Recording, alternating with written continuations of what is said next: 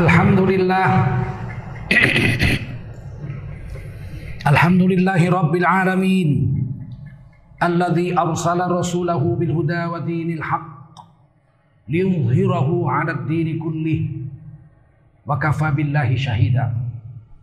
أشهد أن لا إله إلا الله وحده لا شريك له وأشهد أن محمدا عبده ورسوله الذي من لا نبي بعده اللهم صل وسلم على هذا النبي الكريم سيدنا ومولانا محمد وعلى آله وصحبه أجمعين. أما بعد فيا أيها المسلمون أوصيكم وإياي بتقوى الله فقد فاز المتقون. قال الله تعالى في كتابه العزيز أعوذ بالله من الشيطان الرجيم. بسم الله الرحمن الرحيم. فمن الناس من يقول ربنا آتنا في الدنيا وما له في الآخرة من خلاق. ومنهم من يقول ربنا آتنا في الدنيا حسنة وفي الآخرة حسنة وفي الآخرة حسنة وقنا عذاب النار أولئك لهم نصيب مما كسبوا مما كسبوا والله سريع الحساب صدق الله العظيم Hadirin jamaah Jumat yang dimuliakan Allah Subhanahu wa taala. Wajiblah kita bersyukur pada Allah Subhanahu wa taala atas segala nikmat yang telah Allah berikan kepada kita. Baik yang kita sadari atau yang tidak kita sadari. Dan semua nikmat itu kata Allah tidak bisa dihitung. Yang mengatakan nikmat Allah tidak bisa dihitung bukan ahli berhitung. Tapi Allah sendiri dalam beberapa ayat yang berbeda dengan bunyi yang sama. Allah katakan, Wa in ta'uddu ni'matallahi la tuhsuha. Jika engkau mencoba menghitung-hitung nikmat Allah, kamu tidak akan mampu menghitungnya. Kalau nikmat Allah tidak bisa dihitung, jangan mimpi mau membayarnya. Bagaimana mau membayar nikmat yang tidak bisa dihitung banyaknya? Kalau hutang sejuta, dua juta, sepuluh juta masih bisa dihitung. Hutang Indonesia sekarang 6 ribu triliun. Masih bisa dihitung, masih bisa dibayar. Meskipun mungkin memakan waktu yang lama. Tapi nikmat Allah tidak bisa dihitung. Dan tidak ada satupun ayat Quran atau hadis Nabi mengatakan, bayarlah nikmat Allah yang telah kau terima. Tidak ada. Kenapa? Pasti tidak bisa dibayar. Sedangkan budi manusia tak bisa dibayar.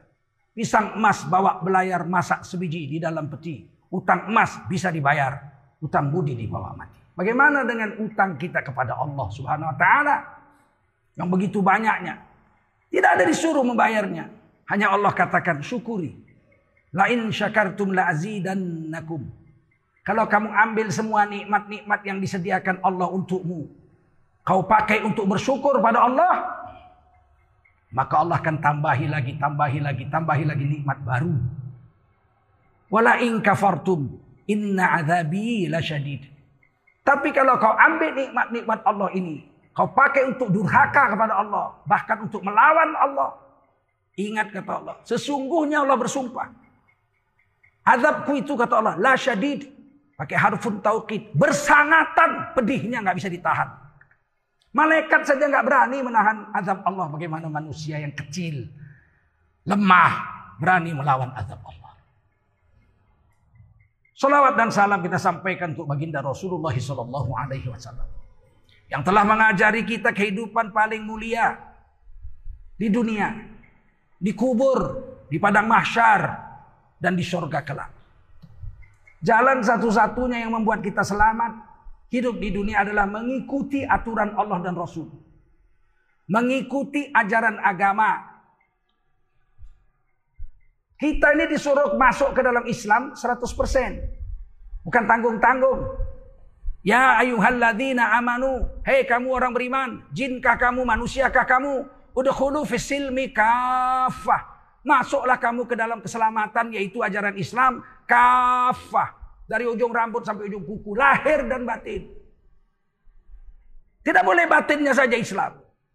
Kalau batinnya saja Islam. Tapi lahiriahnya tidak Islam, namanya orang durhaka, fasik. Kalau bat, lahirnya Islam, batinnya tidak, namanya orang munafik. Tidak boleh orang Islam separuh-separuh. Lahirnya harus Islam. Kumisnya dipotong cara orang Islam. Tidak boleh kumisnya panjang menutupi mulutnya. Haram. Kukunya dipotong. Rambutnya dipotong. Kalau berhadas besar, mandi. Kalau berhadas kecil, wudhu. Kalau laki-laki perempuan dikhitan. Tidak boleh lahir kita ini, badan kita ini tidak mengikuti cara agama. Apalagi batin. Batin kita ini harus tunduk dan patuh dengan aturan Allah. Lahir kita juga harus tunduk dan patuh dengan aturan Allah. Hari ini manusia anggap enteng dengan agama. Kata Allah wala tattabi'u khutuwati syaitan. Jangan kau terjebak dengan langkah setan. Meninggalkan Islam separuh-separuh kau ambil, cocok kau ambil, tak cocok kau buang. Islam dibikin seperti rumah sewa. Cocok masuk, gak cocok, keluar cari rumah baru. Islam dibuat seperti sepatu. Dicocok-cocokkan dengan kakinya. Kalau nggak cocok, dibuang sepatunya. Bukan begitu. Kita yang harus mencocokkan diri dengan Islam. Nafsu kita ini yang harus tunduk patuh dengan Islam. Suka atau tidak suka ajaran Islam itu harus kita terima. Karena itulah jalan hidup kita. Dan disuruh dibaca dalam setiap sholat. Inna sholati. Sesungguhnya sholatku. Wanusuki. Ibadah-ibadahku wa mahyaya hidupku. Dari lahir sampai mati bahkan sampai setelah mati. Islam ini dari hidup sampai hampir mati sampai setelah mati. Udah mati pun mesti bawa agama. Wajib dimandikan dengan air mutlak. Tidak boleh dimandikan pakai bensin atau pakai pertamax. Tidak boleh. Hah? Dipakaikan kain kapan. Nggak boleh pakai jas. Nggak boleh pakai sarung. Tidak boleh pakai jubah. Kalau mati pakai kain kapan. Sunat tiga lapis. Sunat berwarna putih wajib dikapankan. Disolatkan. Disolatkan caranya cara Nabi. Empat takbir. nggak pakai ruku. nggak pakai sujud. Dikuburkan miring ke kanan menghadap kiblat. Udah mati mau agama. Tidak ada alasan kita untuk mengelak. Sesungguhnya sholatku. Kita ikrar tiap sholat. Wa nusuki ibadah-ibadahku. Wa mahyaya hidupku. Lahir dan batin. Wa mamati matiku. Lillahi rabbil alamin. Semuanya untuk Allah. Tidak boleh untuk yang lain. La syarikalah. Nggak ada saingan Allah. Syarikat untuk Allah tidak ada. Wa bidzalika umirtu begitulah aku diperintah oleh Allah dan nabinya. Wa ana minal muslimin dan aku menyerah diri dengan aturan Allah, nggak ngelawan. Kalau ngelawan dengan aturan Allah fasik, durhaka. Kalau menolak aturan Allah kafir. Kafara yakfuru kufran. Menutup hatinya dengan aturan Allah. Ini resiko hidup di dunia sebagai orang Islam. Hari ini setan nggak mau diam, dia kerja. Setan manusia atau setan jin. Yang nampak atau tak nampak. Kita ditakut-takuti. Weh, jangan bawa-bawa Islam. Ini negara bukan negara Islam. Ini negara Pancasila. Apa urusannya? Pancasila tidak melawan agama. Pancasila justru menjamin beragama. Sila pertama ketuhanan yang Maha Esa. Dan dijabarkan di Undang-Undang Dasar 45. Pasal 29 ayat 1. Negara berdasar ketuhanan yang Maha Esa. Tidak boleh hidup di negeri ini ateis komunis. Wajib beragama. Agama yang diakui negara enam. Pilih salah satu. Pasal 29 ayat 2. Negara menjamin tiap-tiap warga negara untuk memeluk agama dan menjalankan agamanya. Negara menjamin orang Kristen menjalankan ajaran Kristen 100%. Di bumi NKRI ini. Negara menjamin orang Hindu menjalankan ajaran Hindu 100%. Sehingga di Bali, orang Hindu itu di Indonesia hanya 1% kurang. Sedikit sekali. Tapi di Bali mereka 84%. 14% orang Islam, 2% lain-lain agama. Mereka buat peraturan daerah. Hari raya nyepi tidak boleh keluar rumah, api harus mati, Toko-toko semua tutup, sekolah tutup, rumah ibadah tutup semua. Airport internasional Gusti Ngurah Rai ditutup. Pesawat yang ada nggak boleh terbang, yang terbang nggak boleh mendarat. Tidak ada di dunia peraturan seperti ini kecuali di NKRI di Bali. Hindu di India 1,1 miliar penduduknya jumlahnya orang Hindu di India. Tidak ada nutup airport. Tidak ada matikan listrik. Kenapa di sana tidak boleh? Sana tidak ada Pancasila, tidak ada Undang Dasar 45. Di sini dijamin. Dan kita orang Islam mengatakan lakum dinukum waliyadin. Kita gak ganggu dia. Silakan. Orang Buddha boleh menjalankan ajaran Buddha 100%. Negara menjamin. Orang Islam juga dong. Sama. Orang Islam boleh menjalankan ajaran Islam 100%. Negara menjamin. Mau ibadah cara Islam? Dijamin. Tidak boleh dilarang. Mau bermuamalat cara Islam? Jual beli, pinjam meminjam, sewa menyewa cara Islam? Dijamin. Ada undang-undangnya sekarang. Tahun 2003 sudah keluar undang-undang perbankan syariah, ekonomi syariah, finance syariah, gadai syariah. Kok boleh bawa-bawa syariah? Dijamin oleh negara. Pasal 9 ayat 2. Siapa yang keberatan pengkhianat Undang-Undang Dasar 45. Nikah talak rujuk cara Islam. Dijamin. Tahun 1974 Undang-Undang nomor 1 tentang perkawinan. Negara menjamin rakyat Indonesia yang Islam nikah. Talak dan rujuk serta bagi warisan. Dibuat pengadilan agama Islam. Ah, kenapa ada pengadilan agama Islam di Indonesia? Ini kan bukan negara Islam. Karena pasal 29 ayat 2 negara menjamin tiap-tiap warga negara untuk menjalankan agama. Agama lain kalau kawin dicatat di catatan sipil. Orang Islam tidak bisa, dia dicatat di Kementerian Agama. Orang lain agama kalau cerai di pengadilan negeri. Kita tidak bisa, harus di pengadilan agama. Mereka bagi warisan agama yang lain di pengadilan negeri bagi rata. Kita tidak boleh. Bagi warisan ada aturan dari Allah. Harus hakimnya orang Islam yang alim. Laki-laki dapat dua bagian, perempuan dapat satu bagian. Maka dibuatlah pengadilan agama Islam. Agama lain nggak boleh cemburu. Islam ini nggak bisa hidup tanpa negara. Ada banyak syariat Islam yang harus melibatkan negara. Makanya dibuat Kementerian Agama. Itu dulu untuk orang Islam saja dulu mengganti tujuh kata yang dicoret pada pembukaan Undang Dasar 45 ketuhanan koma dengan kewajiban menjalankan syariat Islam bagi pemeluk-peluknya itu dibuang gantinya Kementerian Agama sebab orang Islam banyak yang tidak bisa hidup tanpa negara misalnya kata Nabi as-sultanu waliyun liman la wali alaha wanita yang tidak punya wali kalau mau kawin walinya negara Siapa negara yang mewakili negara kita ini untuk mengawinkan perempuan yang nggak punya wali? Sebatang kara atau baru masuk Islam sendirian? Negara. Nabi yang bilang ini hadis Ibnu Majah. Negara siapa? Ditunjuklah Kementerian Agama. Kementerian Agama hanya ngurus kawin orang Islam. Lain agama nggak diurus Kementerian Agama, dia diurus catatan sipil. Kementerian Dalam Negeri yang ngurus. Tidak boleh cemburu. Ini resiko hidup bernegara. Negara berkewajiban mengaturnya. Datang orang sekarang enak-enak mau merubah tatanan negara sak suka hatinya saja.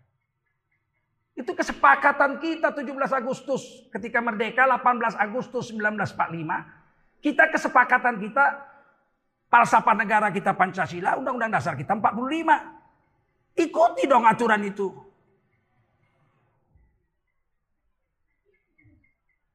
dan jinayat. Sebagian hukum pidana Islam ada masuk ke dalam hukum pidana KUHP. Membunuh dibunuh ada. Beberapa belum, mencuri potong tangan belum. Nah, itulah gunanya DPR RI yang soleh. Sekarang pemerintah mengeluh. Koruptor-koruptor maling-maling menghabiskan uang 30 triliun setahun untuk makan di lembaga permasyarakatan seluruh Indonesia. Bangkrut negara ini ngasih makan maling-maling. Saya dan kawan-kawan tahun lalu sudah mulai bermusyawarah untuk memajukan usulan ke DPR agar pencuri yang dijatuhkan hukuman ada bukti, ada saksi di pengadilan lebih dari nilai 2 juta setengah. Sebuah perisai besi zaman Rasul. Hukum potong tangan selesai. Nggak perlu kita kasih makan dia bertahun-tahun bangkrutkan negara. 30 triliun bagus bikin pabrik baja, bagus bikin pabrik susu daripada utang banyak 6000 triliun. Ngasih makan maling triliunan tiap tahun. Belum-belum sudah diributi. Wah, ini ekstrim. Ekstrim apa ekstrim? Negara sekarang hampir bangkrut. Triliunan-triliunan memberi makan maling-maling. Dana bansos dimaling. Tidak tahu perasaan manusia ini. Orang miskin pun di korupsinya agama. Orang miskin, bantuan orang miskin di korupsinya. Pantasnya harusnya dihukum mati. Saudara-saudara yang mulia, Quran menceritakan manusia dibagi dua oleh Allah. Satu kelompok yang hanya mikir dunia. Faminan nasi may yaqulu rabbana atina fid dunya wa ma lahu fil akhirati min khalaq. Sebagian manusia mikirnya dunia aja. Agama nggak mau. Ini aliran sekuler, aliran komunis. Ini memang nggak mau agama. Orang-orang sekuler, orang-orang PKI dulu. PKI dulu ada. Dibubarkan tahun 66 dengan TAP MPRS nomor 20. KTP-nya Islam semua. DNID, KTP-nya Islam. Dr. Subandrio, KTP-nya Islam. Muso, KTP-nya Islam. Tapi orang ini Islam itu cuma empat kali dipakai. Lahir cara Islam, sunat cara Islam, kawin cara Islam, mati cara Islam. Dah, yang lain nggak mau dia agama ini dibawa-bawa. Nggak percaya di akhirat pun. Kalau dia percaya akhirat, disumpah di kepalanya waktu jadi pejabat. Quran di kepalanya. Jangan mencuri, berbuat adil. Mana berani dia melawan sumpahnya sendiri di atas. Kepalanya ditaruh Quran. Tapi memang hatinya nggak yakin. Urusan dia yang penting dunia. Di dunia senang, akhirat nanti-nanti. Malah ada yang nggak percaya akhirat, dibilangnya ramalan-ramalan akhirat. KTP-nya Islam, sudah naik haji. Quran sudah menceritakan. Sebagian manusia memang pikirannya hanya dunia saja. Agama dia nggak mau. Wa malahu fil akhirati min khalaq. Orang ini di akhirat setetes, secuil pun nggak dikasih Allah lagi apa-apa. Mereka campak dalam neraka kekal selama lama-lama-lamanya di sana. Wa minhum may yaqulu rabbana atina fid dunya hasanah. Sebagian manusia lagi mereka minta ya Allah datangkan kepada kami dunia yang hasanah. Wa fil akhirati hasanah. Di akhirat juga kehidupan yang hasanah. Wa qina adzaban nar dan lindungi kami dari api neraka. Apakah hasanah? Hasanah itu cuma ada pada diri Rasulullah Subhanahu wa taala. Laqad kana lakum fi Rasulillahi uswatun hasanah. Sungguh pakai tauhid, sungguh telah ada pada diri Rasulullah itu contoh teladan yang hasanah untuk kamu hai orang beriman. Mau cara apa? Mau cara makan ada, mau cara minum ada, mau cara berumah tangga ada, mau cara cerai Istri selingkuh, cerai, cerai ada. Nikah ada. Rujuk ada. Agama lain nggak ada.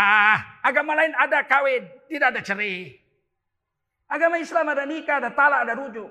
Yang hari ini oleh orang-orang anti-Islam disetir sedemikian rupa sehingga orang Islam mencaci orang yang kawin.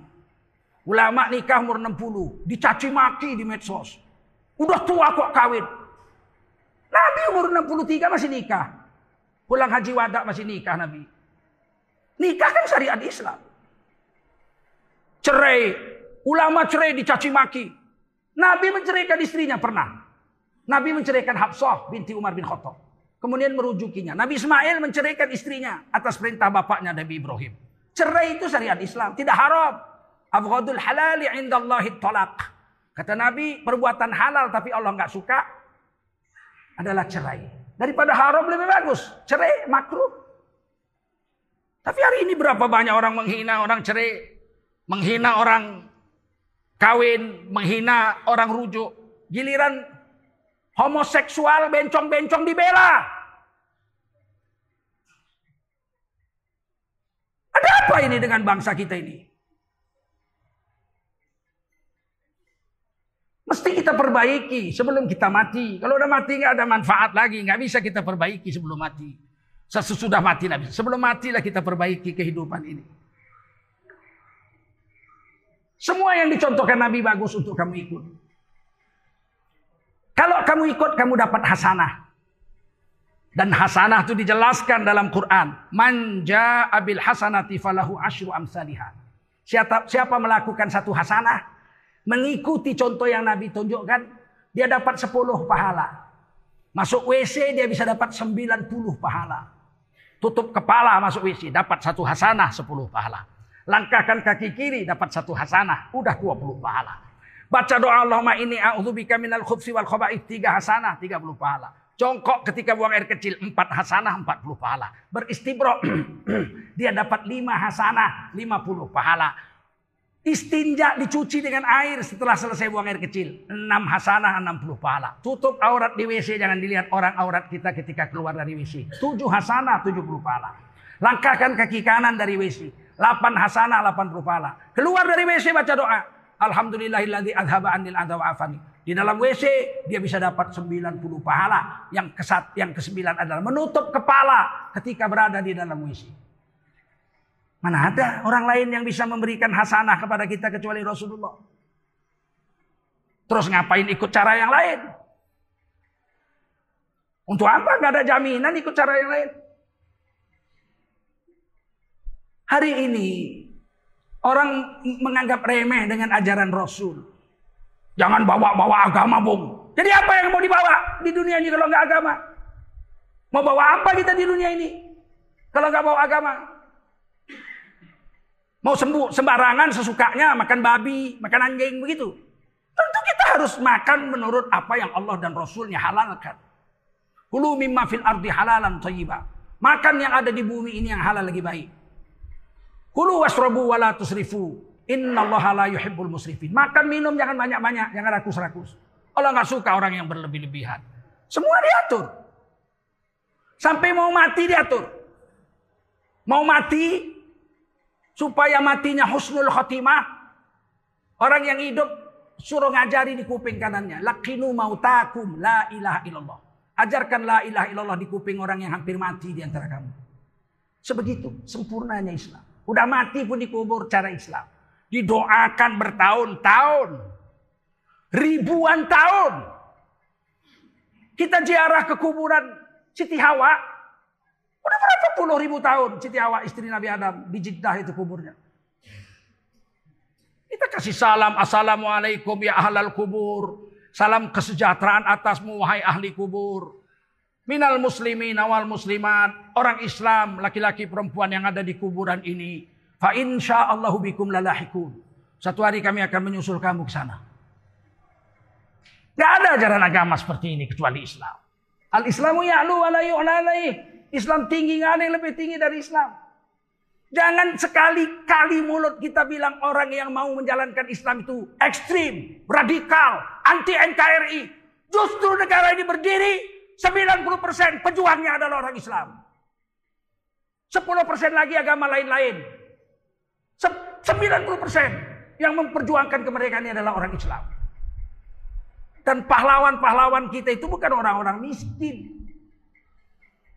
Pangeran-pangeran, bangsawan-bangsawan, ulama-ulama. Mereka dulu berjuang memerdekakan Indonesia bukan supaya makan enak. Mereka sudah makan enak. Pangeran Diponegoro, Pangeran Hidayatullah, Pangeran Antasari, Sultan Hasanuddin, Sultan Toha, Sultan Badarudin II. Itu sultan-sultan orang kaya. Kenapa mereka perang melawan Belanda? Bukan supaya makan enak. Supaya punya rumah besar. Dia istana pun punya. Tengku Umar Johar pahlawan. Panglima Polim. Tengku Cik di Tiro. Tengku Nyak Arif ini bukan orang miskin, bukan gembel-gembel. Perang supaya makan enak, dapat jabatan tinggi. Mereka orang-orang kaya. Kenapa mereka berjuang melawan Belanda? supaya agamanya bisa berjalan 100%. Belanda itu kalau kita ibadah disuruhnya. Kalau cuma ibadah, mau puasa kau, hmm, dihidupkannya meriam. Besok satu Ramadan, boom. Mau naik haji, disediakannya kapal. Disediakannya paspor Hindia Belanda. Mau sholat, dibangunkannya masjid mewah-mewah. Masjid Sultan Delhi, Masjid Sultan Langkat itu Belanda yang bangun. Satu rupiah pun gak ada duit rakyat Indonesia bangunnya. Kalau cuma ibadah Belanda pun gak keberatan. Tapi ketika kita mau lebih dari ibadah, berumah amalat cara Islam, nggak senang Belanda. Selama dijajah Belanda, bank cuma satu, Javas Bank, Bank Jawa. Caranya cara riba. Dipaksa rakyat Indonesia makan riba. Padahal dosa makan riba seperti berzina dengan ibu kandung sendiri dosanya. Hadis Muslim.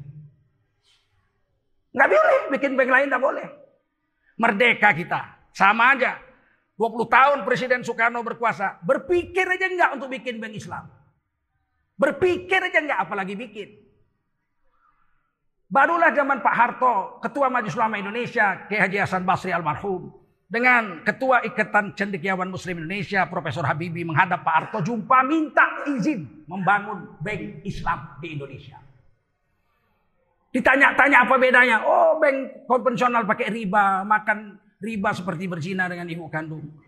Bagaimana mengambil untung bank syariah? Diambil untung dengan pembiayaan namanya murabahah, dengan perkongsian namanya musyarakah, dengan bagi hasil namanya mudorobah, dengan sewa beli namanya ijaroh. Akhirnya Pak Harto keluarkan putusan baik diizinkan. Belum ada undang-undangnya. Pakai keputusan presiden, kepres Keputusan Presiden Soeharto tahun 1994. Berdirilah Bank Muamalat.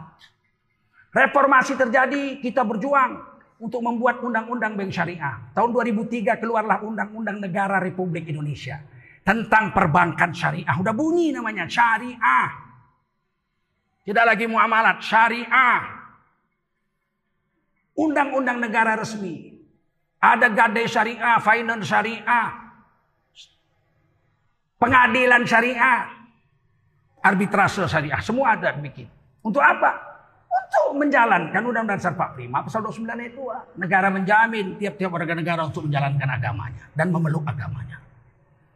Nah, inilah saudara-saudara perjuangan hidup di Indonesia yang hari ini mau dibelok-belokkan. Asal udah bicara Islam dicurigai. Kita cintain KRI, Siapa yang nggak cintain kali ini negara kita? Di sini kita lahir, di sini kita mati, di sini anak cucu kita hidup dan mati. Kita nggak punya negara lain. Tapi hidup cara agama dijamin oleh negara dan diwajibkan oleh Allah dan Rasulnya. Mudah-mudahan khutbah yang singkat ini ada manfaat. Menggugah rasa keislaman kita untuk tetap hidup cara Islam. Jangan terpengaruh dengan cara kafir. Syukur ini Aceh ini, banknya sudah menjadi bank syariah. Bank negeri Aceh ini, bank Aceh sudah jadi syariah 100%. Syukur. Mudah-mudahan yang berjuang menjadikan bank Aceh ini menjadi bank syariah, mendapat amal jariah sampai hari kiamat. Telah memberhentikan orang Aceh dari makan riba. Orang Aceh berhentilah makan riba. Udah ada bank kita yang syariah, kita ke syariah saja. Dua hari yang lalu telah dicanangkan oleh Wakil Presiden dan Presiden RI Bank Syariah Indonesia. Kita syukuri itu. Sudah berdiri 17 tahun Bank Syariah resmi sejak Undang-Undang tahun 2003 ditandatangani DPR dan Presiden. Tapi pangsa pasar Bank Syariah baru 5 persen. Artinya 95 persen orang Islam yang jumlahnya 230 juta orang masih lebih senang makan uang riba dari bank-bank riba itu daripada memajukan bank syariah. Belanda dipaksanya rakyat Indonesia untuk pakai bank Belanda, Jawas Bank, Bank Jawa. Ulama mengatakan haram. Tidak ada satupun orang Islam waktu itu yang mau pakai bank. Uang disimpan di kasur, uang disimpan di bantal dalam bentuk emas. Sehingga kalau terbakar rumahnya dia keluar, yang dibawanya keluar. Tilamnya dan bantalnya. Karena di situ disimpannya emasnya. Dia tidak simpan uang di bank Belanda. Hasilnya VOC. Perusahaan company Belanda yang terkenal paling kaya sedunia belum ada imbangnya sampai sekarang. Bangkrut. VOC tutup. Karena banknya tidak didukung oleh 90% rakyat Indonesia yang beragama Islam waktu itu. Alhamdulillah. Alhamdulillahi Rabbil Alamin. Alladhi arsala rasulahu bil huda wa dinil haqq. Liyuzhirahu ala dini kullih. وكفى بالله شهيدا. أشهد أن لا إله إلا الله وحده لا شريك له وأشهد أن محمدا عبده ورسوله الذي من لا نبي بعده. اللهم صل وسلم على هذا النبي الكريم سيدنا ومولانا محمد وعلى آله وصحبه أجمعين. أما بعد فيا أيها المسلمون أوصيكم وإياي بتقوى الله فقد فاز المتقون. قال الله تعالى في كتابه العزيز أعوذ بالله من الشيطان الرجيم Bismillahirrahmanirrahim. Qul innani hadani rabbi ila siratim mustaqim. Dinan qiyamam millata Ibrahim hanifa. Wa ma kana minal musyrikin. Qul inna salati wa nusuki wa mahyaya wa mamati lillahi rabbil alamin. La syarika لا شريك له وبذلك أمرت وأنا أول المسلمين. قال رسول الله صلى الله عليه وسلم الإسلام يعلو ولا يعلى إليه. من لا يرحم لا يرحم. ارحموا من في الأرض يرحمكم من في السماء. بارك الله لي ولكم في القرآن العظيم ونفعني وإياكم بما فيه من الآية وذكر الحكيم. وتقبل مني ومنكم تلاوته إنه هو السميع العليم. fastaghfiru innahu huwal ghafurur rahim.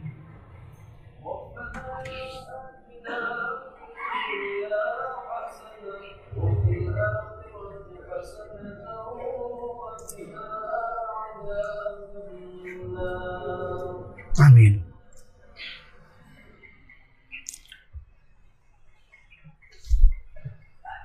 Alhamdulillah.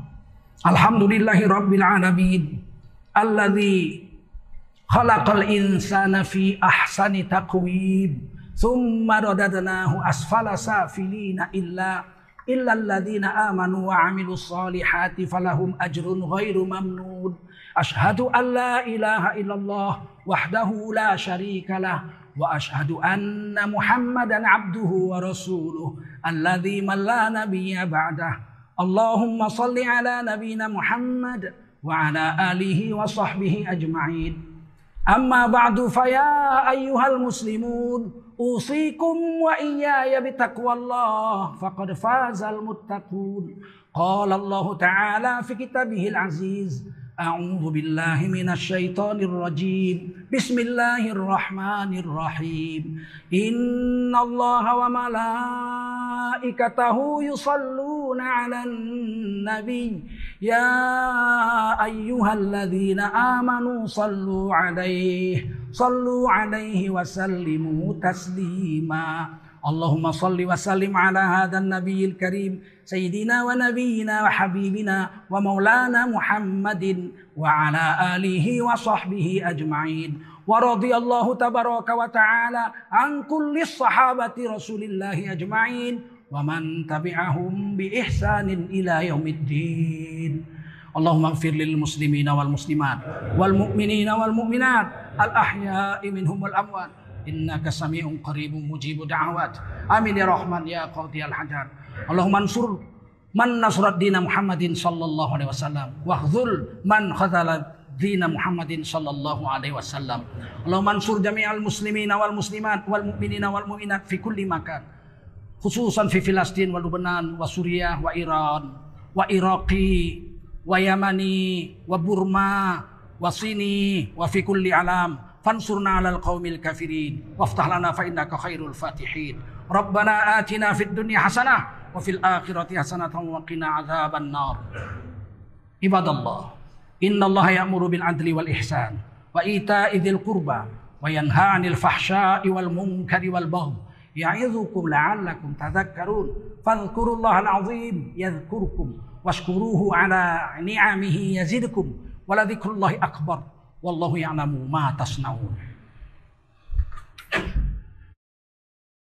يا الله يا بصير يا سميع يا عليم يا حي يا قيوم برحمتك أستغيث.